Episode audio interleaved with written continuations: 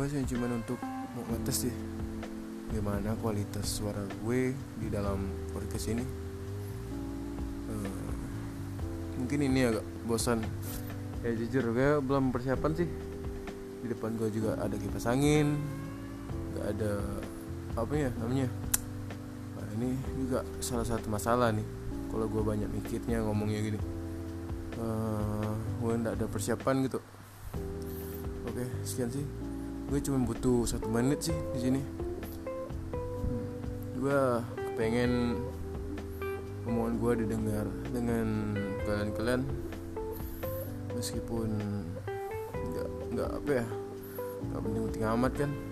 Tapi gue cuma mau didengar aja sih. Gue banyak cerita